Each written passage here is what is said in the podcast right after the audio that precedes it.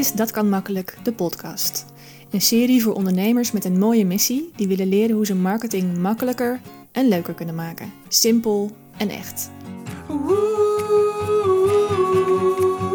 Dat kan makkelijk. Hallo lieve luisteraars, dit is alweer de zesde aflevering van Dat kan makkelijk, de podcast. Met vandaag een van mijn favoriete thema's, namelijk expertwaas. Voordat ik begin wilde ik alvast even laten weten dat ik op deze woensdag, nee, dinsdagavond in mijn woonkamer zit. Buiten zijn allemaal vogels een beetje van de leg. Dus ik hoor allemaal kauwen die af en toe kraaien. Wat doet een kou? Kraait toch? Krast. En er zijn kinderen op straat aan het spelen die af en toe langskomen met rolschaatsen en lawaai. Dus jullie horen af en toe wat geluid.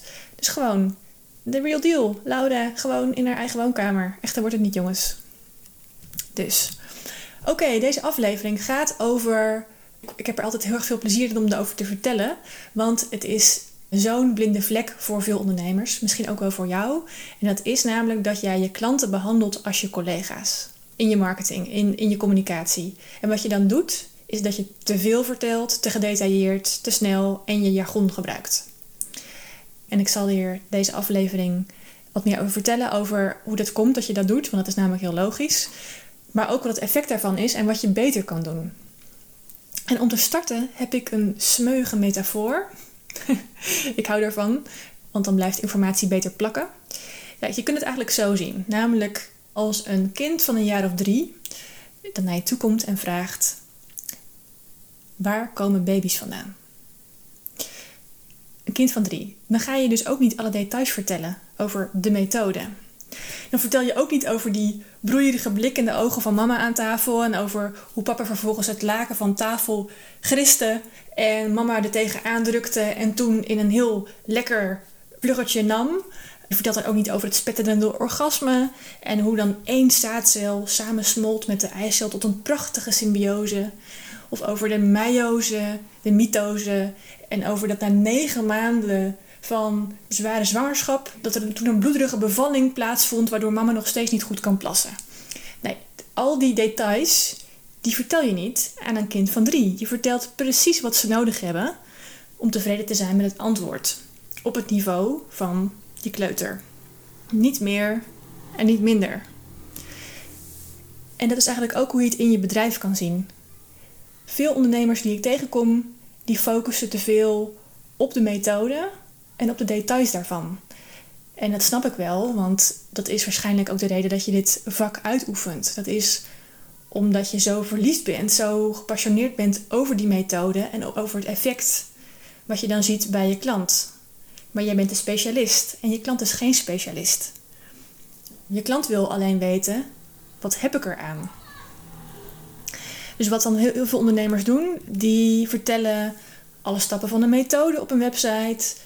Ze vertellen van alles over de technische apparatuur die ze gebruiken. Bijvoorbeeld eh, dat ze helemaal kwijlen over een nieuwe camera of over specifieke massageolie met hele belangrijke kwaliteiten, waardoor je heel lang kan masseren zonder steeds nieuwe olie te nemen. Of ze gaan op een website op de homepage al helemaal in detail over de theoretische achtergrond van een aanpak. En hoe dat verschilt van andere theorieën en waarom zij de beste theorie hebben. Of wat ik ook vaak zie is op over mij pagina's dus de persoonlijke pagina's op een website, dat dan de ondernemer helemaal in detail gaat over alle diploma's die ze hebben gehaald en alle opleidingen die ze hebben gedaan over de hele wereld. En dat noem ik expertwaas. Je klant raakt de weg kwijt in een wolk van veel te specialistische informatie die helemaal niet belangrijk is, op dat moment in ieder geval niet, voor die klant. Je klant wil iets anders weten. Dus wat jij vertelt is heel leuk voor collega's. Met collega's kan je lekker nerdy discussies houden over de methode en over al die verschillende theoretische invalshoeken waar jij tot in de puntjes over weet te vertellen. Maar je klant niet, die wil daar een driejarige versie van weten, zou ik maar zeggen. En vooral, die wil weten wat het resultaat is dat jij levert. En om heel specifiek te zijn, zijn eigenlijk drie belangrijke elementen die je klant wil weten in de communicatie over jouw vak. Het eerste is: snap je mijn probleem? Dat wil je klant weten. Dus snap jij, de ondernemer, snap jij mijn probleem? Dat gaat over herkenning. Herkenning is belangrijk. De tweede vraag die je klant heeft is: snap je wat ik graag zou willen bereiken? Dus het gaat ook over inleven in de gewenste oplossing, of het verlangen wat je klant heeft. En het derde wat je klant van jou wil weten in je marketing is: ben jij dan degene aan wie ik mezelf en mijn geld toevertrouw om dat te bereiken? Oftewel, zitten we een beetje op dezelfde golflengte en vertrouw ik je? Dus het gaat over herkenning en vertrouwen. En het maakt niet uit of je nou coacht, of foto's maakt, of yogales geeft. Je klant heeft altijd een behoefte en altijd, is altijd op zoek naar dat vertrouwen. En dat is wat ik noem empathische marketing. Dus het gaat over het intunen op dat hele basale niveau van je klant, van die behoefte, eh, dat verlangen en die oplossing. En dat vertrouwen wat ze in jou willen hebben. Het gaat dus niet over het zenden vanuit jouw theorieboek. Het kan best zijn dat een klant. Ik ben zelf ook zo eentje. ik ben een klant die. Uh, ik ben wel intuïtief als ik bij iemand anders iets ga kopen, zeg maar, of iets ga inhuren. Dus ik, ik tune wel snel in op: kan ik met jou door één deur? Heb ik het gevoel dat jij mij kan bieden? Maar mijn hoofd wil het ook vaak snappen. Dus ik vind het wel interessant als er op de site een aantal blogs staan, bijvoorbeeld. Of iets over de aanpak of over de, de methode. Maar dat is pas in tweede instantie. Dat zet je niet op de homepage neer, zeg maar.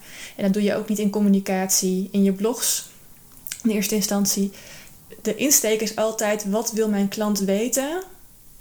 Wat heeft mijn klant nodig om een stap verder te komen? Dus het is altijd door de ogen van je klant dat je communiceert. Want anders schrijf je wel een artikel voor een, een blad van je vakgenoten, zeg maar.